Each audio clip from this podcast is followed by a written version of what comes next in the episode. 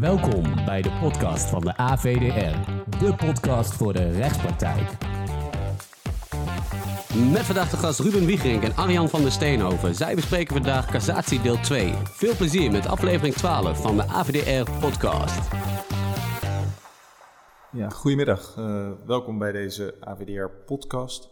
Uh, mijn naam is uh, Ruben Wiegerink en ik zit hier samen met Arjan van der Steenhoven. Arjan, van harte welkom. Dankjewel.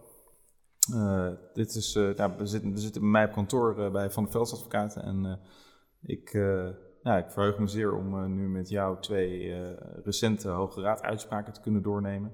Eén gaat over het jeugdrecht en daar speelt het rechtsmiddelenverbod een belangrijke rol. daar gaan we zo denk ik uitgebreid op in.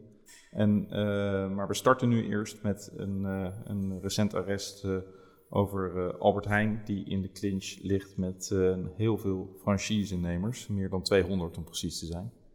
Ja, nee, dat was inderdaad een, eh, een omvangrijk dossier. Ik geloof dat de eerste, nou, pak een beetje 10, 15 bladzijden van het uh, arrest begint met eigenlijk alle geanonimiseerde partijnamen. Ja.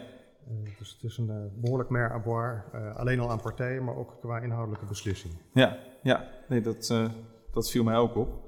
en dat is wel een aardige zaak, niet alleen maar voor, voor allen die zich met franchise bezighouden in de praktijk, maar ik denk ook wel voor iedereen die, uh, en dat zal menig advocaat zijn, die uh, met overeenkomsten te maken heeft. Want uh, een belangrijk deel gaat natuurlijk over de uitleg van die, van die overeenkomst en nou, de maatstaf die daarbij geldt.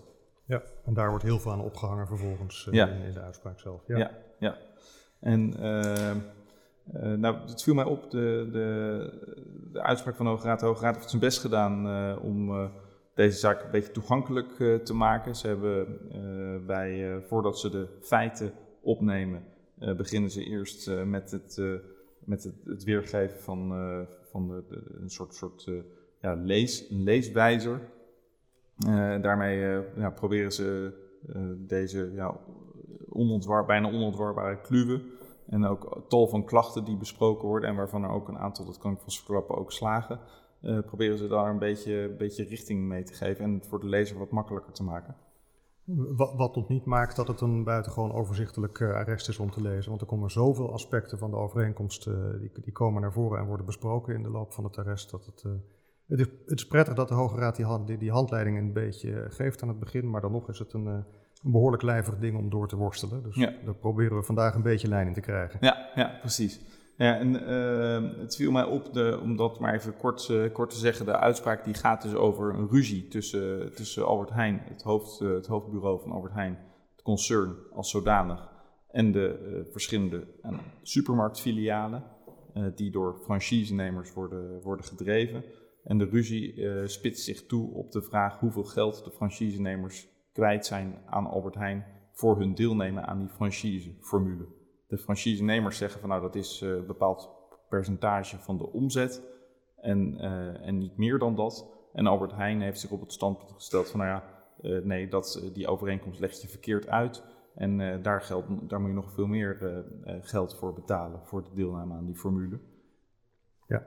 Ja, en ik denk dat het ook relevant is dat het, dit is natuurlijk speelt al best lang. Uh, Albert Heijn uh, is eigenlijk in 1981, als ik het goed heb onthouden, begonnen mm -hmm. met, uh, met, met de franchise-formule. En in 1989 is dat uit handen gegeven aan een van de, de concernvennootschappen Albert Heijn Franchise of Franchise. en, en, daar zit een hele ontwikkeling in met, met de contracten die ze gebruikt hebben en, en wat daarvoor uitleg onderweg ook aangegeven is.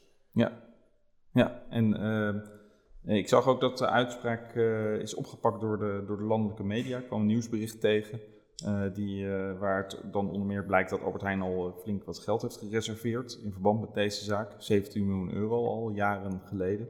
En ehm, nou ja, dat, Albert Heijn vindt het jammer dat de zaak nog niet kan worden afgesloten na deze uitspraak. Maar ja, we zullen we zullen misschien gaan, uh, gewoon maar gaan doornemen. Ja, ik denk overigens dat, want je zei 17 miljoen hadden ze gereserveerd. Ik denk dat dat wat uh, krapjes is als je de vordering van de, de, de franchisenemers uh, ziet, want die komt op een kleine 220 miljoen uit.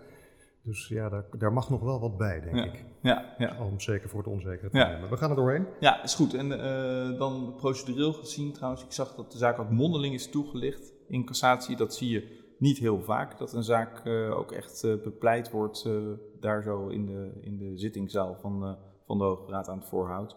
Ehm, dat, dat heeft doorgaans niet zo heel veel zin, hè, omdat de Hoge Raad natuurlijk niet, niet meer naar de feiten kijkt. Maar misschien is hier de achtergrond geweest dat, dat die zaak ja, feitelijk zo complex in elkaar steekt dat, uh, dat de cassatieadvocaten dat even helder wilden wilde krijgen, helder op het netvlies van de Hoge Raad wilden krijgen.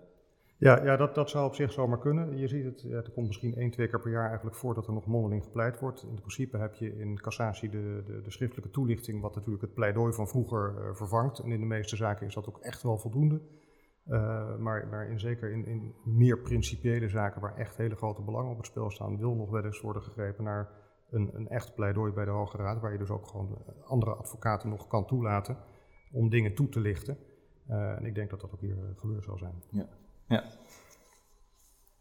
Nou, ik wil eigenlijk het voorwerk van, van, het, van het arrest met, met de feiten, waarin je dan ziet dat de Hoge Raad de verschillende overeenkomsten die een rol spelen, dus de verklaringen van, van partijen die een rol spelen, want daar gaat het ook in bijzondere mate over.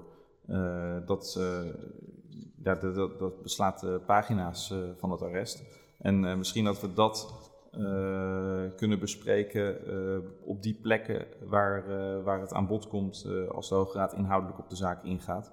Ja. want het voert denk ik te ver om nu al die overeenkomsten door te akkeren. Maar jij noemde al even dat aan het begin van de jaren 80 dat die franchise zijn vorm heeft gekregen. En dat zie je ook terug in de lijn van, uh, van het arrest, waaruit zelfs uit dat soort stukken uit, die begin van, uit het begin van de jaren 80 wordt, daarom wordt teruggegrepen. Ja, inderdaad.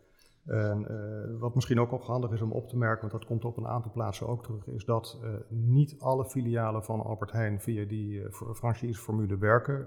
Albert Heijn heeft kennelijk ook nog een aantal eigen winkels in eigen beheer. en daar, was ook, daar werd ook naar verwezen in afspraken. Met, met afspraken ten op van de eigen winkels zouden niet mogen afwijken met de af van de afspraken die met de franchisenemers uh, werden ge gemaakt. Ja, ja, het lijkt me een terecht punt. Hè, dat inderdaad volgens mij die franchisenemers zeggen van... goh, die, die, eigenlijk die interne verrekenprijzen die Albert Heijn aan de eigen filialen uh, in rekening brengt... ja, dat zijn ook de prijzen en de, die wij moeten betalen. En de kortingen die je krijgt, die kortingen moeten ook aan ons worden doorberekend... en wij moeten eigenlijk SEC betalen, een bepaald percentage, rond de drie van onze omzet. Dat is wat wij aan Albert Heijn verschuldigd zijn. Ja. Dat is de stelling inderdaad. En daar draait hier de zaak in feite om. Ja, ja, ja. Uh, nou ja, dan uh, gaat het... het Hof heeft gezegd dat die franchisenemers ongelijk hebben. dat, die, dat Albert Heijn, de uitleg die Albert Heijn aan die franchise-relatie geeft, dat die juist is. En dat betekent dat bepaalde kortingen wel degelijk eigenlijk toch onverkort in de zak van, van Albert Heijn verdwijnen. Daar daar komt, uh, komen de franchisenemers dan tegenop met een vrij breed opgezet cassatiemiddel. Met tal van motiveringsklachten, maar toch ook wel een aantal principiële rechtsklachten. In ieder geval zo zijn ze ingestoken. Waarbij zij zeggen dat de maatstaf die bij de toetsing van die overeenkomst, de uitleg van die overeenkomst is toegepast, dat die onjuist is door het Hof. Um, dan zeggen zij in de eerste plaats dat, uh, dat, dat er sprake is van een ongelijkwaardige positie tussen de franchisenemers en, uh, en Albert Heijn. En dat dat eigenlijk door het Hof is miskend. Ja, dat klopt. Uh, ik zag in feitelijke aanleg was ook inderdaad dat aan de orde gekomen. En uh, daar heeft het Hof toen korte metten mee gemaakt. En zegt van ja, allebei partijen zijn gewoon professionals. Uh, dus daar gaan we vooral niet te veel op in. Maar de Hoge Raad doet hier inhoudelijk ook verder niets mee. Nee. Met, met die klacht van ja, we zijn on ongelijk. Ik kan me er wel iets bij voorstellen dat er over geklaagd is. Want je zit ja, als, als redelijk kleine franchise-nemer natuurlijk tegenover een gigantisch concern als Ahold. Mm -hmm. uh, en ik kan me heel goed voorstellen dat ze zich onder druk gevoeld hebben. Alleen ja, de Hoge Raad kon niets met deze klacht. Nee. Ik denk dat dit gewoon te feitelijk was om, uh, om daar iets mee te kunnen. Ja, ja, precies. Dus dat speelt ook verder geen rol meer. Nee. Uh, dan uh, een andere, toch eigenlijk rechtsklacht die wel slaagt, is dan, dan gaat het, en dan moeten we toch wel vrij ja, en detail de zaak in. Dan gaat het over de, de vraag of uh, de bedoeling uh, uh, van, de, van de contractspartij.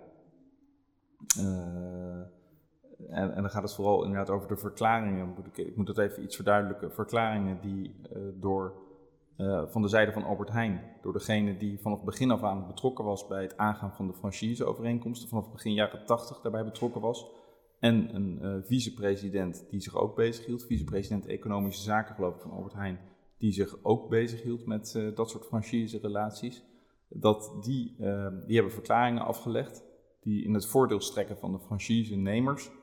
En de vraag is of die verklaringen betrokken moesten worden bij de uitleg van de overeenkomst. Wat ik het, uh, ja, ja, zo heb ik hem ook begrepen. En het, het, het Hof is uiteraard braaf van het havelteksten gegaan. Maar de vraag is of het Hof uh, met, met alle omstandigheden rekening heeft gehouden waarmee het Hof rekening moest houden. En uh, ja, de, de, de franchisenemers hebben hier gezegd, ja, de, de, de, lat is eigenlijk te hoog gelegd door het Hof, door die verklaringen verder ja, voor kennisgeving aan te nemen, maar er niets mee te doen. Um, want wat er werd betoogd in, in cassatie is dat uit die verklaringen een soort ja, gemeenschappelijke bedoeling van alle partijen bij die overeenkomsten viel af te leiden. En uh, ja, daar heeft het Hof niets mee gedaan. En dat is natuurlijk op zich vreemd, want het is best een relevante omstandigheid als je een overeenkomst gaat uitleggen. Mm -hmm. uh, de vraag is alleen, want het Hof had gezegd, ja, we houden met die, met, met die verklaringen geen rekening, want ons is niet gebleken dat uh, een van de partijen, en dan natuurlijk met name de franchise-nemers, ja. uh, van die verklaringen op dat moment op de hoogte waren. Ja, en dan is natuurlijk de vraag waar de Hoge Raad mee zit, van ja, mag je dat dan meenemen in, in je beoordeling, zo'n verklaring, als dat inderdaad niet iets is wat geuit is in, mm -hmm. in destijds in de onderhandelingen. Ja, ja, precies. En dan zegt de Hoge Raad van ja, goh, die gemeenschappelijke partijbedoeling, ja, die kun je zeer wel afleiden uit ook verklaringen die niet per se bij de andere partij, bij de franchisenemers bekend waren, maar wel degelijk uh, een rol hebben gespeeld. En die, uh, en die mag je meenemen bij, bij de, gemeenschappelijke bedoeling die partijen hadden bij, uh, bij die overeenkomst. Ja. ja, juist omdat dus die gemeenschappelijke bedoeling daar, daaruit voortvloeit. Ik ja. denk dat het anders misschien was geweest als de bedoeling van één van de partijen het was geweest. Uh, maar hier ging het echt om een gemeenschappelijke bedoeling achter de overeenkomst. Ja, die speelt natuurlijk aan twee kanten mee. Ja. En dan zie ik inderdaad niet in waarom je uh, als gerechtshof dat dan zomaar naar je neer mag, naar je neer mag leggen. Omdat, alleen maar omdat de franchise-nemers er niet van op de hoogte waren dat die verklaring er lag. Ja. ja dat is dan niet relevant, want ja. de bedoeling was nu eenmaal al gemeenschappelijk. Ja, en die verklaringen die uh, strekken er beide wel toe. die zijn duidelijk in het voordeel van de franchise-nemers en strekken er toe dat Albert Heijn in ieder geval ook de insteek had van, goh, wij gaan dit uh, zo opzetten dat jullie een bepaald deel van je omzet aan ons afdraagt, maar dat we voor de rest eigenlijk uh, sam-sam doen en dat de prijzen die wij in onze eigen filialen rekenen, dat we die inkoopprijzen ook aan jullie doorberekenen. Ja, ja, inderdaad. Ik denk dat dat het was. Ik geloof transparantie stond heel hoog en, uh, en, en die gelijkheid met, met, met de eigen winkels, dat, dat stond centraal eigenlijk in de verklaringen die, waarop de, de franchise-nemers een beroep hadden gedaan. En dat mag dus worden meegewogen. Ja, ja, ja. Ja, en dan zie je dan vervolgens dat in dat uh, arrest eigenlijk alle uh, motiveringsklachten, en die wilde ik zeker niet allemaal stuk voor stuk door gaan lopen, maar dat dan, uh, ja, dan eigenlijk door dit oordeel slagen een hele hoop van dat soort motiveringsklachten. Waarbij, waarbij dan, wat betekent dat het Hof gewoon eigenlijk niet voldoende motivering heeft gewijd aan de, aan de verschillende oordelen die die, hier, uh, ja, die hiermee samenhangen en die hierop berusten. Ja, ja, misschien is het wel aardig om nog uit te leggen dat zo'n zo'n zo'n uh, uitleg van een overeenkomst, als je kijkt naar vanuit de cassatietechnische kant, is natuurlijk een gemengde beslissing. Uh, dus het Hof moet aan de ene kant het juiste criterium toepassen of in elk geval de juiste maatstaf aanleggen. Ja, en die maatstaf die gaan ze vervolgens inkleuren met allemaal feiten door het Hof. En het kan heel goed zijn, en dat was in dit geval dus naar mijn idee aan de hand, dat als je de onjuiste maatstaf hebt gehanteerd omdat je bepaalde bedoelingen niet hebt meegewogen, ja, daar, vervolgens zijn er allemaal vervolgbeslissingen die daaraan vasthangen, uh, waarmee je uh, dan in de knoei komt als hof, want die zijn dan opeens onbegrijpelijk mm -hmm. geworden. En dat ja. is dan het feitelijke stukje van, van zo'n gemengde beslissing. Uh, dat, die inkleuring met de feiten, daar kun je over het algemeen in cassatie, kan je er niet zo heel veel mee. Tenzij het echt apert onbegrijpelijk is, maar als dan inderdaad zo'n maatstaf uh, over de kop gaat in cassatie, dan volgen er vaak ook nog wel wat motiveringsklachtjes uh, ja. die, die slagen. En dat ja. was hier het geval. Ja, ja, ja. Nee, je ziet het niet zo heel vaak dat dit soort uh, zaken het haalt. We best vaak dit soort haventekstklachten van goh, haventekst is miskend door het Hof. Het Hof zegt wel haventekst toe te passen, maar doet dat uiteindelijk niet, omdat niet met alle omstandigheden van het geval rekening wordt gehouden. Dat, dat soort klachten, dat wordt vaak gewoon ongemotiveerd met artikel 81 ro afgewezen, valt mij op. Ja. en, en hier is dat niet zo en is ehm, ja, misschien ook wel de conclusie die wees ook al deze richting op. Die, die was eigenlijk gelijk aan uiteindelijk de uitkomst van de Hoge Raad. Nou ja, de Hoge Raad is er toen ook misschien mede naar aanleiding van de conclusie wel even goed voor gaan zitten. En heeft gewoon dat, ja, dit ook allemaal laten slagen. Ja, absoluut. We hadden het misschien ook gewoon, nou, maar we mogen het niet bij alle klachten kunnen laten zitten. gewoon zeggen van ja, die en die oordelen bouwen erop voort. Maar ze zijn echt op die, al die subklachten keurig ingegaan en hebben die allemaal besproken. Ja. ja. Om alles maar gedekt te hebben. Ja, ja precies het Hof had gezegd, ja, goh, accountants die hebben uh, hier naar gekeken, zijn accountantsverklaringen telkens die worden afgelegd op basis waarvan die verdeling van de, uh, van de, van de kosten wordt, wordt vastgesteld. En Albert Heijn die, die vindt dan in de praktijk is een soort werkwijze ontstaan, kennelijk op basis waarvan die accountantsverklaringen maatgevend zijn geweest in een aantal jaren voor de, het bedrag dat de franchisenemers uiteindelijk moeten betalen. En, ehm, en dan zegt het Hof van ja, goh, omdat die, die accountants dat hebben gedaan, daarom mochten zij ehm, erop vertrouwen dat, dat zij hadden ingestemd eigenlijk met de in die accountantsverklaringen toegepaste, toegepaste verdeling. Ja. Daar, dat is eigenlijk wat door, door die in de praktijk gehanteerde werkwijze. Ja, toen ik de uitspraak van het Hof las, uh, toen dacht ik ook wel van, oh goh, dus kennelijk accountants mogen tegenwoordig overeenkomsten uitleggen. Daar kwam het een beetje op neer. Mm Dat was bij mij de indruk die ontstond. Um, het zag er ook op dat de, jarenlang was het gewoon, het was aanvankelijk geloof ik een accountantsverklaring, maar op een gegeven moment zei de accountant, ja, het is zo omvangrijk, ik kan daar geen verklaring meer over afleggen. Het wordt nu een soort rapportage die ik ga uitbrengen. Uh, en het ging met name om de vraag of de juiste inkoopprijzen waren gehanteerd, als mm ik het goed, uh, goed onthouden heb. En daar uh, waren de accountants, ja, die hadden eigenlijk alleen maar gewoon gekeken van, goh, is dat eigenlijk hetzelfde als aan de winkels wordt doorberekend.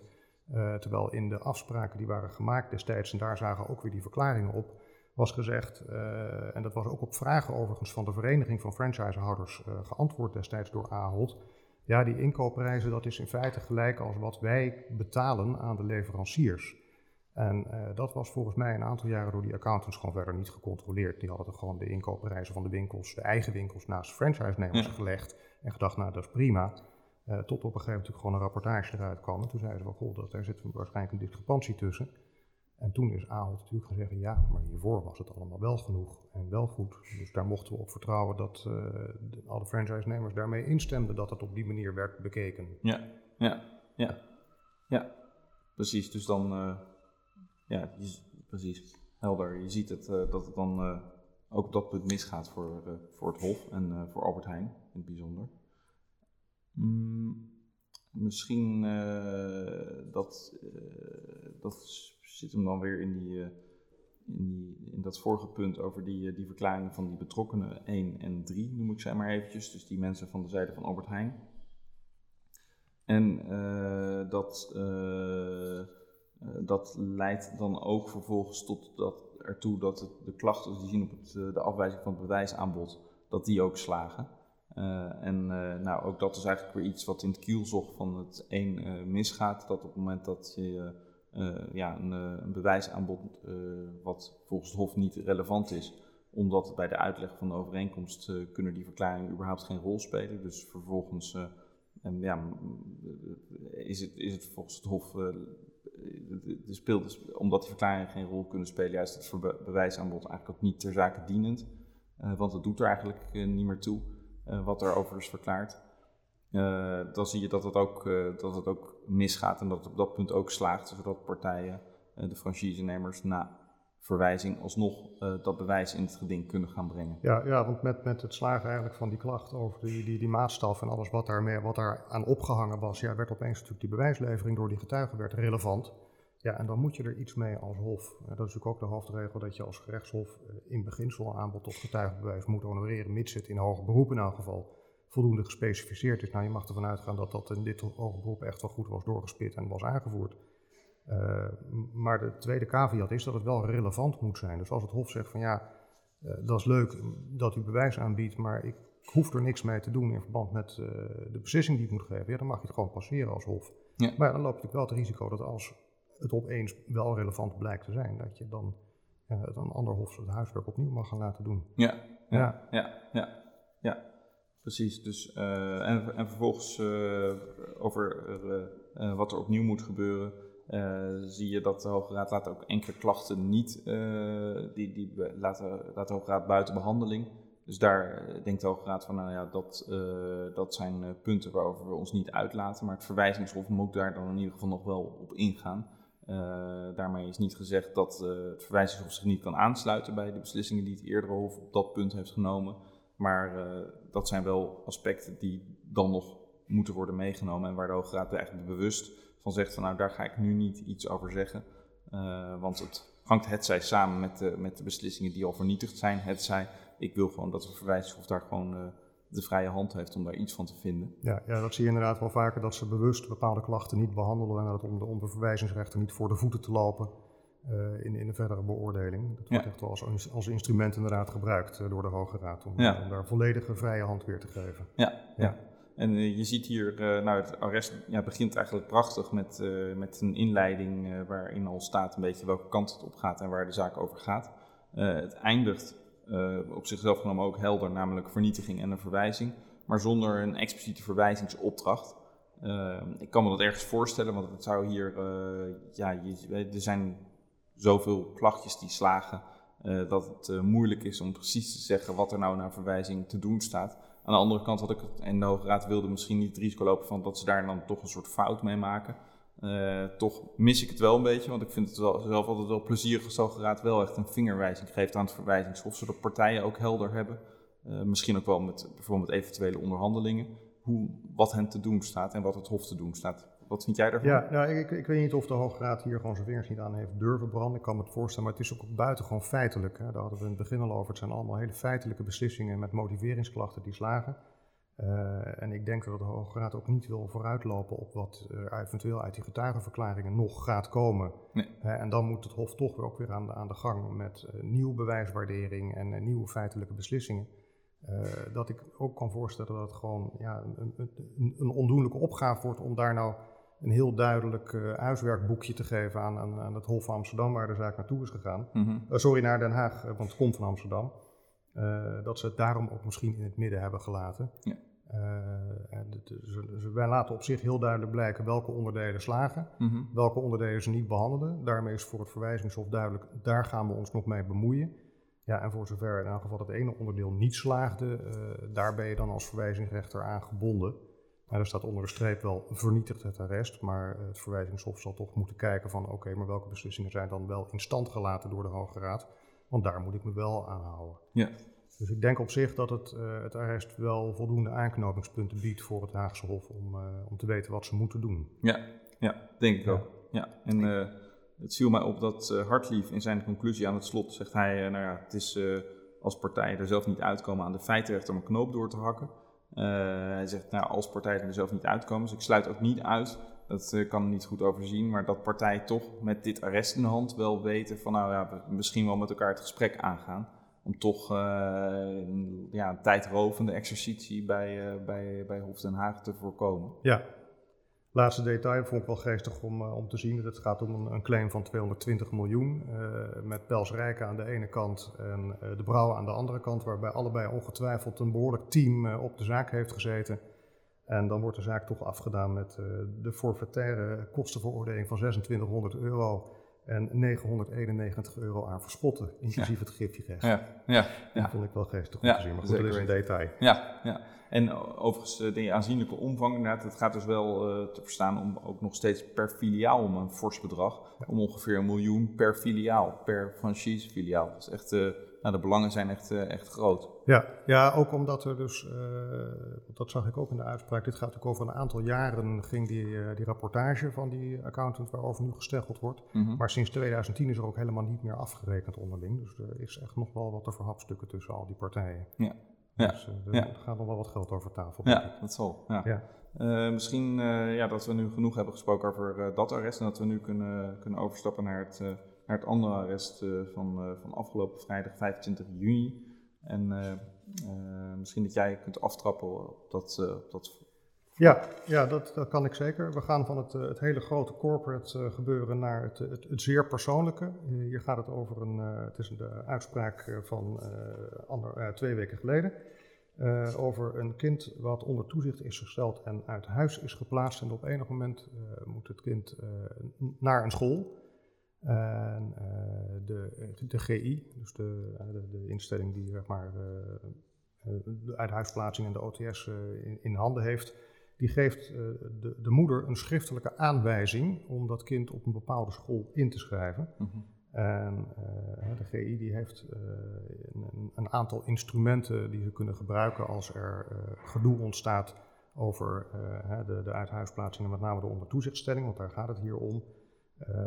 Ze kunnen bijvoorbeeld een, een, een, schriftelijke aanwijzing geven aan een ouder als die zich aan bepaalde afspraken niet houdt. Ze hebben omgangsregelingen, weet ik het allemaal. Uh, daarnaast kunnen ze ook uh, eventueel vervangende toestemming vragen aan de rechter. Als een ouder medewerking weigert aan bepaalde handelingen, dan, dan kunnen ze zeggen van nou, kantonrechter wil mij dan maar in de plaats daarvan machtigen om dat te doen. Um, maar er is ook een, een, een, meer algemene bepaling, althans meer algemeen, dat zeg ik eigenlijk verkeerd om. Een, want de Hoge Raad zegt in deze zaak, maar daar geloof ik er al vooruit, dat het een meer bijzondere bepaling is dat ze op bepaalde onderwerpen, waaronder het inschrijven op een school, maar ook bepaalde medische behandelingen, uh, daar hebben ze een aparte, aparte ingang voor, waar ze een beroep op kunnen doen. En uh, de vraag hier was inderdaad van ja, de GI heeft hier een schriftelijke aanwijzing gegeven. Uh, en, en, kon dat hier wel door de beugel. Ja. Gelet op die bijzondere bepaling die, uh, die net een paar artikelen verderop in de wet staat, waar de EGI ook iets mee had kunnen doen. Ja, precies. Dus er staat eigenlijk tegenover die, die schriftelijke aanwijzingsbevoegdheid. Die is ruim en de wet geeft daar niet een specifieke invulling aan. Die schriftelijke aanwijzingsbevoegdheid die kan op van alles en nog wat zien. Ja, klopt. En uh, de GI die meende dat kan ook zien op die inschrijving, op die specifieke school waar wij dat kind willen inschrijven. Ja. Um, en, uh, en de vraag is dan hoe verhoudt zich dat tot die vrij specifieke wettelijke bevoegdheid waar die inschrijvingsmogelijkheid op een school, die staat ook echt in die wettelijke bepaling vermeld, zag ja, ja, die staat er echt in. Uh, en, en wat hier een belangrijk verschil is, dat is dat zowel de aanwijzing die werd gegeven als wat later in de proces. Want er werd eerst een schriftelijke aanwijzing gegeven. Nou, daar was de moeder het niet mee eens, dus die is naar de rechtbank gestapt. En die heeft gezegd: van, Nou, wil maar bepalen dat dat niet geldt. Uh, toen heeft in diezelfde zaak de GI gezegd: van, Nou ja, doe mij dan maar uh, een vervangende toestemming. Maar beide uh, beslissingen die worden gegeven, daar staat geen rechtsmiddel tegenover. Dus geen hoger beroep en ook geen cassatie. Dus ja, daar schort wel wat in de rechtsbescherming. Uh, dus je bent een beetje overgeleverd aan, uh, aan de GI en vervolgens aan de rechter die het tegenover je hebt. En als ouder kan je over het algemeen daarna gewoon helemaal niets meer. Um, en dat heeft de moeder hier toch in deze zaak wel geprobeerd. Die is in elk geval een hoger beroep gegaan. Die heeft een uh, beroep gedaan op de zogenaamde doorbrekingsjurisprudentie. Mm -hmm. dus voor de mensen die, die daar niet zoveel mee te maken hebben, dat, als er een algemeen rechtsmiddelenverbod geldt, dan kan je uh, onder drie omstandigheden alsnog toch in hoger beroep gaan. Namelijk als de rechter buiten het toepassingsgebied van een bepaalde rechtsregel is getreden. Mm -hmm. Of die regel ten onrechte uh, buiten toepassing heeft gelaten. Of als er een fundamenteel rechtsgemiddel, uh, rechtsbeginsel is, is geschonden. dan kan je toch in hoger beroep. Ja. Maar dat kan weer niet als er beroep in cassatie open staat. Want als je het dan niet mee eens bent, ja, dan moet je maar meteen naar de Hoge Raad. Dus dat heeft de wetgever bedacht. Ja. En uh, dan kan je niet, niet eerst een hoger beroep. Dat gaat overigens nog wel eens mis, uh, heb ik gemerkt. Dat mensen uh, een beroep doen op de doorbrekingsjurisprudentie en vrolijk een hoger beroep gaan en dan over het hoofd gezien hebben dat ze in cassatie konden. Ja, onteigeningszaken denk ik dan bijvoorbeeld aan, hè, bijvoorbeeld een rol kan spelen. Ja, en zaken bijvoorbeeld waar je het hebt over herroeping.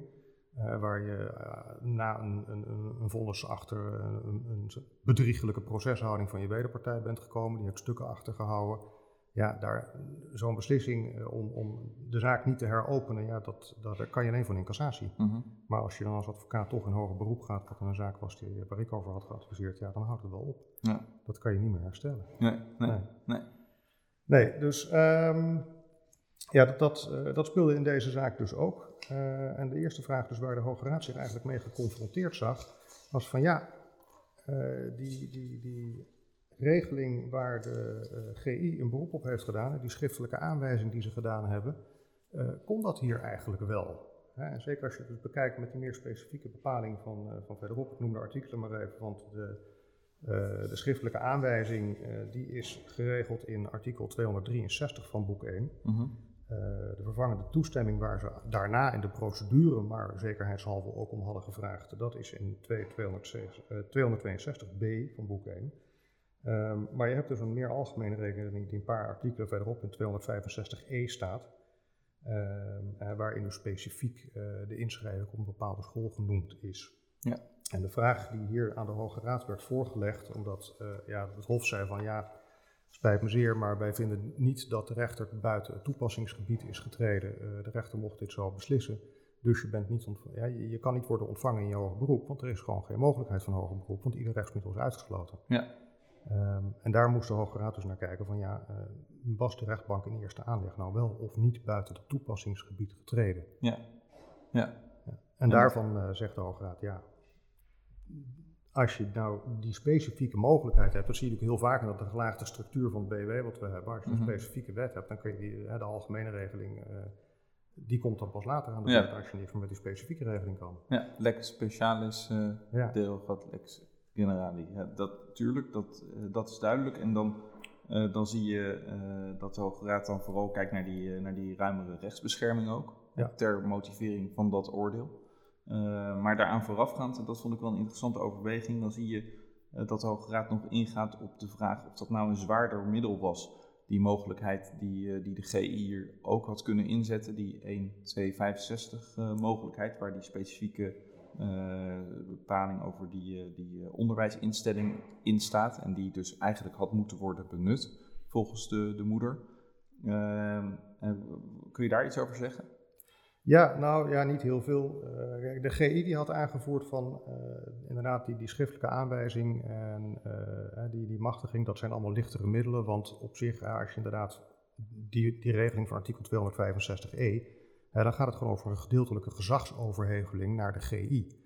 En dat is in beginsel voor de tijd van de ondertoezichtstelling. En daarvan zei de Hoge Raad van ja, dat kan wel, maar de rechter kan ook beslissen dat dat veel korter is. Bijvoorbeeld tot een bepaalde week waarin je zo'n kind moet inschrijven op de school. Dus dan, ja, dan moet je je afvragen, is het nou zwaarder of is het nou niet zwaarder? Ja. En, uh, en als je dan daarbij betrekt, en dat uh, zegt de Hoge Raad inderdaad, wat je net al aanstipte, dat artikel 265e veel meer rechtsbescherming biedt aan ouders dan een schriftelijke aanwijzing of een, of een vervangende machtiging waar je bijna ja, na de rechtbank niks meer tegen kan ondernemen. Ja, dat in samenhang zien, dan is dit niet het zwaardere middel. Uh, dan biedt het veel meer, uh, veel meer zekerheid. Ja. Ja, ja ja. meer rechtsbescherming. Ja. Uh, want ja, over die rechtsbescherming, ik weet niet of jij nog wat meer over wil zeggen.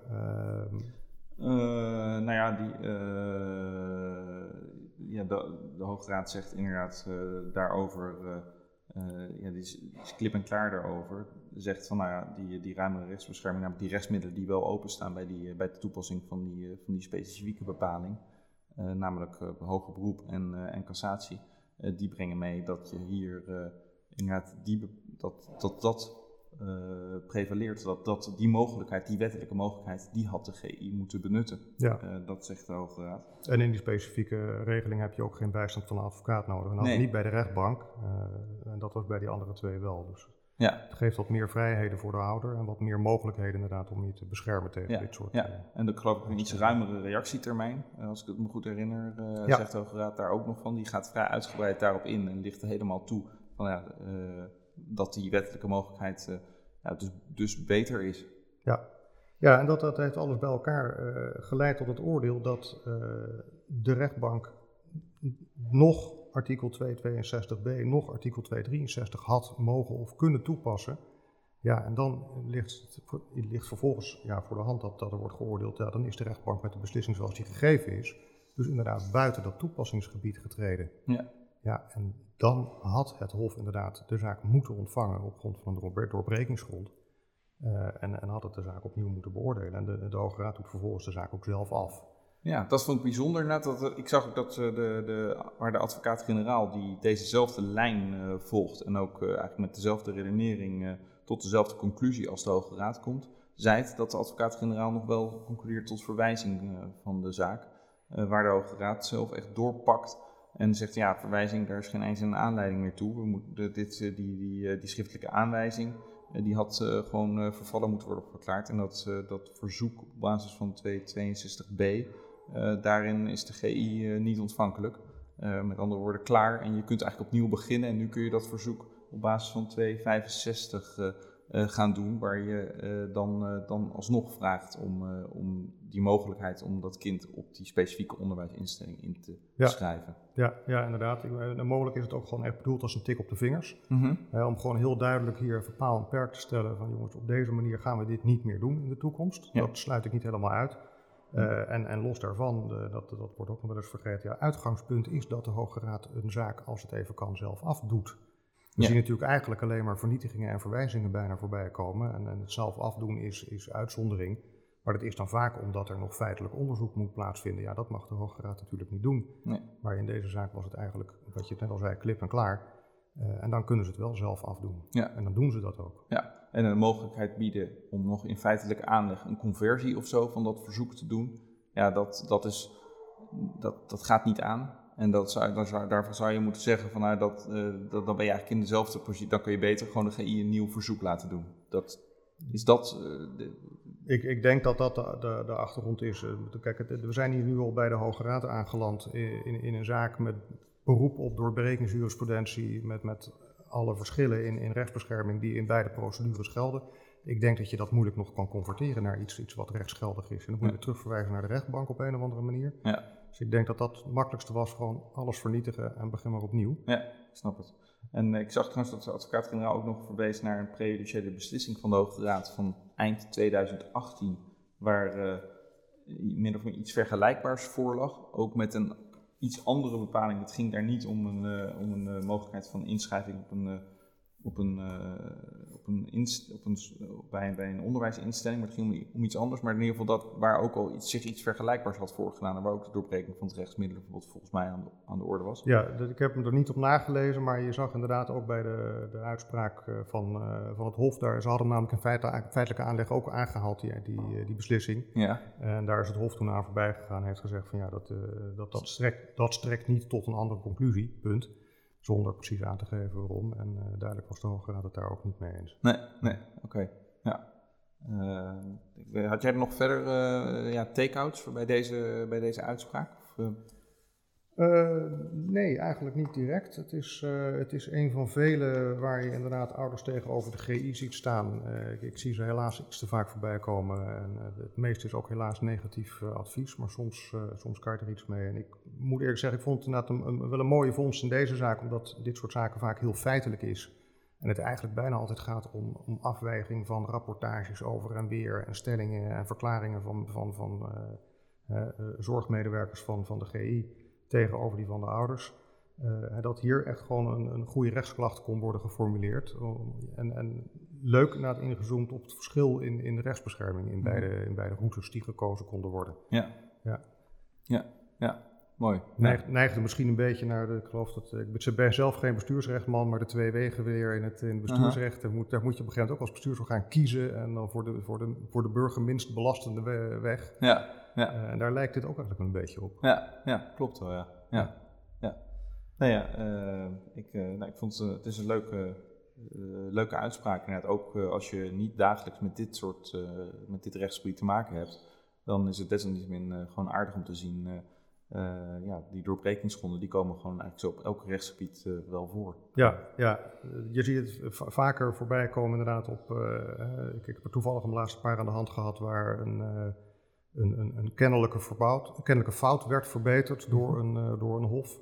Uh, wat dan geen kennelijke fout was, ja, en dat wordt dan ook teruggefloten door de Hoge Raad. Uh, ik zag ze nog eigenlijk nog niet zo heel vaak voorbij komen op dit gebied, maar het, het, het gebeurt inderdaad heel. Ja. Ja. Ja. ja. ja. en voor de rest was er eigenlijk de afgelopen twee weken niet zo gek veel interessants. Veel verwerpingen met 81 RO. Ja. Uh, een paar WVGZ-zaken waar wij allebei niet, uh, niet echt in zitten. Dus dat was uh, voor ons nog niet echt gesneden koek om hier te behandelen. Dus ik denk dat dit eigenlijk ja. de aardigste uitspraken van de afgelopen twee weken waren. Ja, volgens mij ook. We zijn er doorheen, denk ik. En nou, we, we vonden het leuk om, leuk om door te nemen met je. Ja, en nou, we, we, gaan, laten we dit, laten we dit snel, snel weer doen. En, ja, tot zover. Dank, dank voor de ontvangst hier bij, bij Van der Velds en de volgende keer bij Salomon Beelaerts, ja, zou leuk. ik zeggen. ja, graag. Ik zie ernaar uit. Dankjewel. Dankjewel. Bedankt voor het luisteren naar deze aflevering van de AVDR podcast. Check de website www.avdr.nl voor meer unieke content voor de rechtspraktijk. Nogmaals bedankt en tot de volgende aflevering.